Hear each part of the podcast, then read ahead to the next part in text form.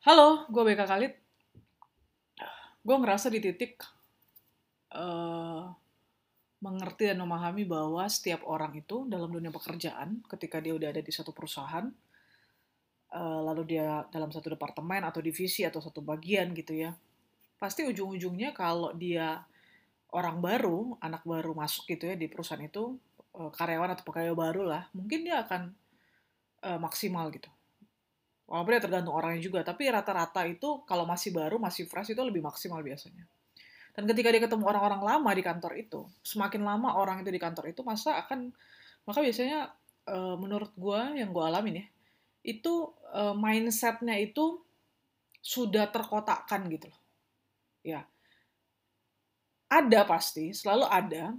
Uh, cuma menurut gue nggak banyak yang mindsetnya tuh walaupun dia udah puluhan tahun di kantor itu tetap terbuka dia udah ngerasa kayak misalkan ya udah perusahaan ini dia melihat perjalanannya gitu ya. Kalau perusahaannya itu tipikal perusahaan yang memang uh, sulit berubah gitu ya ke arah yang lebih baik ya maka dia akan ngerasa bahwa apatis juga gitu. Ada orang baru sok mau buat inovasi mau buat ini itu segala macam pasti dia juga gak akan bisa gitu loh. Itu mungkin yang ada di pikiran orang-orang lama ini yang udah puluhan tahun karena dia udah ngelihat histori perjalanan perusahaan ini ya gitu-gitu aja gitu tapi beda kalau misalkan ada orang yang puluhan tahun, terus dia ngeliat perubahan yang signifikan, misalkan. Apalagi misalkan di waktu belakangan, ternyata dilihat perusahaan itu menjadi lebih maju, eh, menjadi lebih uh, agile gitu, lincah untuk berubah, adaptif gitu, dan kemudian mengalami perkembangan yang nyata-nyata kan biasanya perusahaan itu selalu lihat numbers lah ya untuk profitnya, uh, revenue-nya dan sebagainya gitu. Jadi ya ada pengharapan mungkin yang bisa disampaikan oleh orang lama ini ke orang baru bahwa ya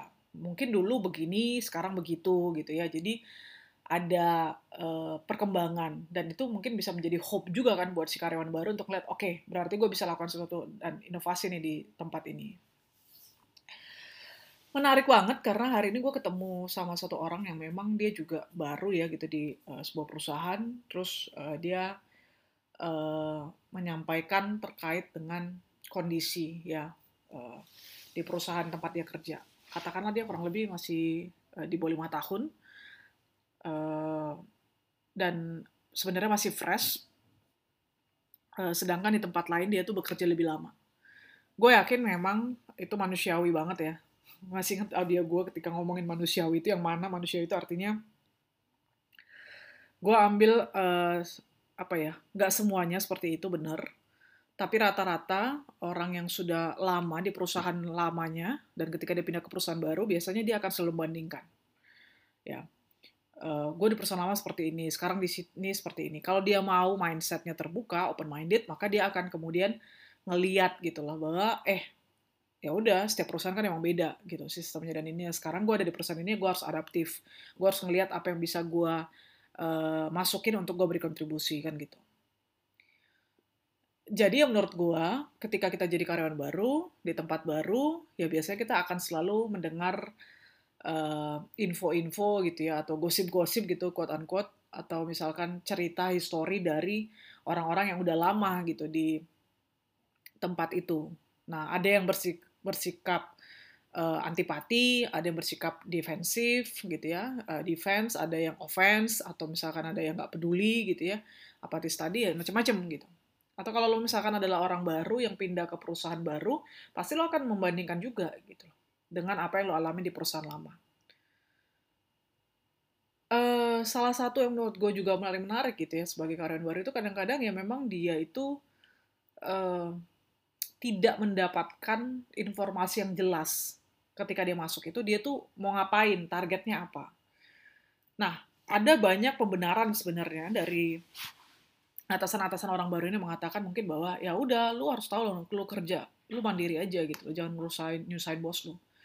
Di satu sisi pasti seorang bos itu senang banget kalau misalkan anak buah atau timnya itu bisa mandiri dan menyelesaikan pekerjaan dengan maksimal tanpa dia harus bersusah payah jadi effortless gitu. Itu manajer pasti akan semakin senang atau bos itu akan semakin senang gitu. Jadi bisa mandiri bisa uh, perform gitu ya kemudian bisa solve the problem gitu ya atau bahkan increase the revenue pasti tanpa effort sama sekali ya atau sangat sedikit effortnya daripada bosnya itu pasti bosnya akan semakin senang. Itu akan jadi karyawan bintang akan jadi karyawan kebanggaan kan gitu.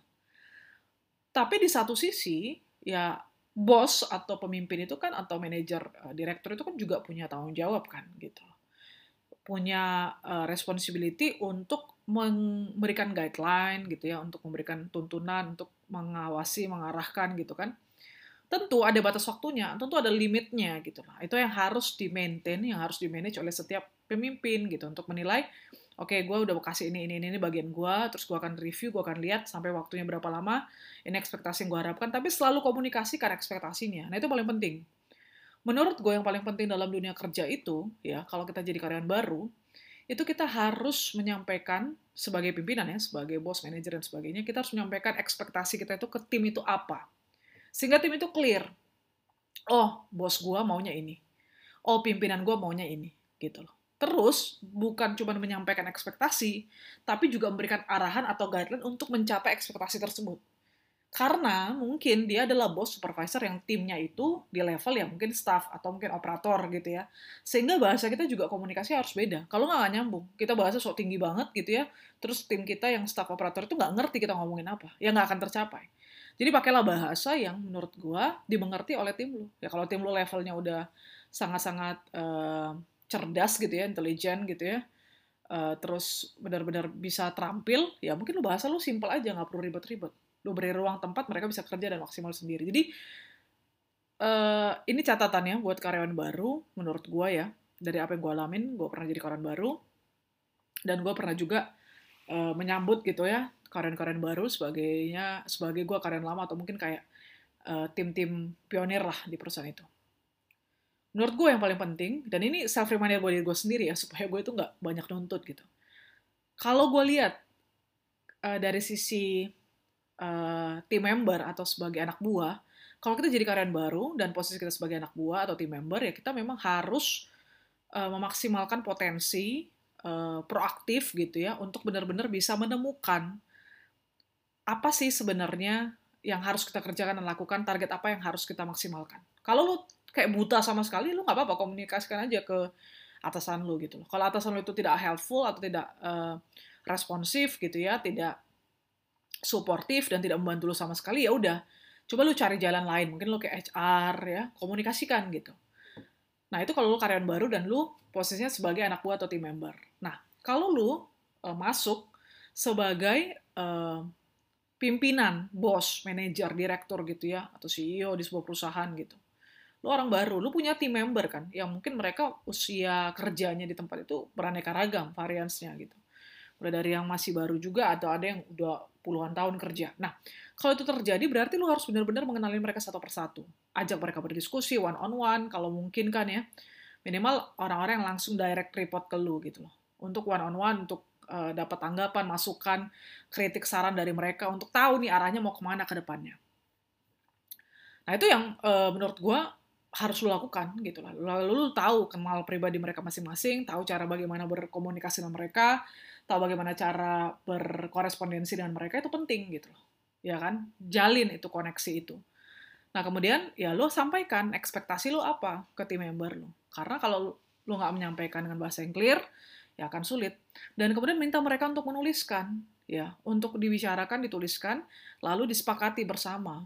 Nah, ini yang menjadi uh, ekspektasi gue uh, ini uh, ini yang harus kita capai lalu kemudian kita uh, arahnya ke sini nih gitu guideline itu mau ke mana kita harus pikirkan dan tentukan nah itu sih yang menurut gue penting dilakukan oleh uh, karyawan baru ketika lo itu masuk title lo itu pimpinan gitu artinya lo punya tim member atau anak buah dan kalau lo di middle management ya lo punya tim member lo juga punya atasan kan gitu ya lo harus pikirkan itu dikombinasikan aja. Lu sebagai tim member harus bagaimana, lu sebagai atasan harus gimana. Oke, jadi sebenarnya gue nggak tahu ngomongin apa nih, dan tadinya gue nggak berencana ngomongin itu, kayak ngalir aja terkait dengan karyawan baru.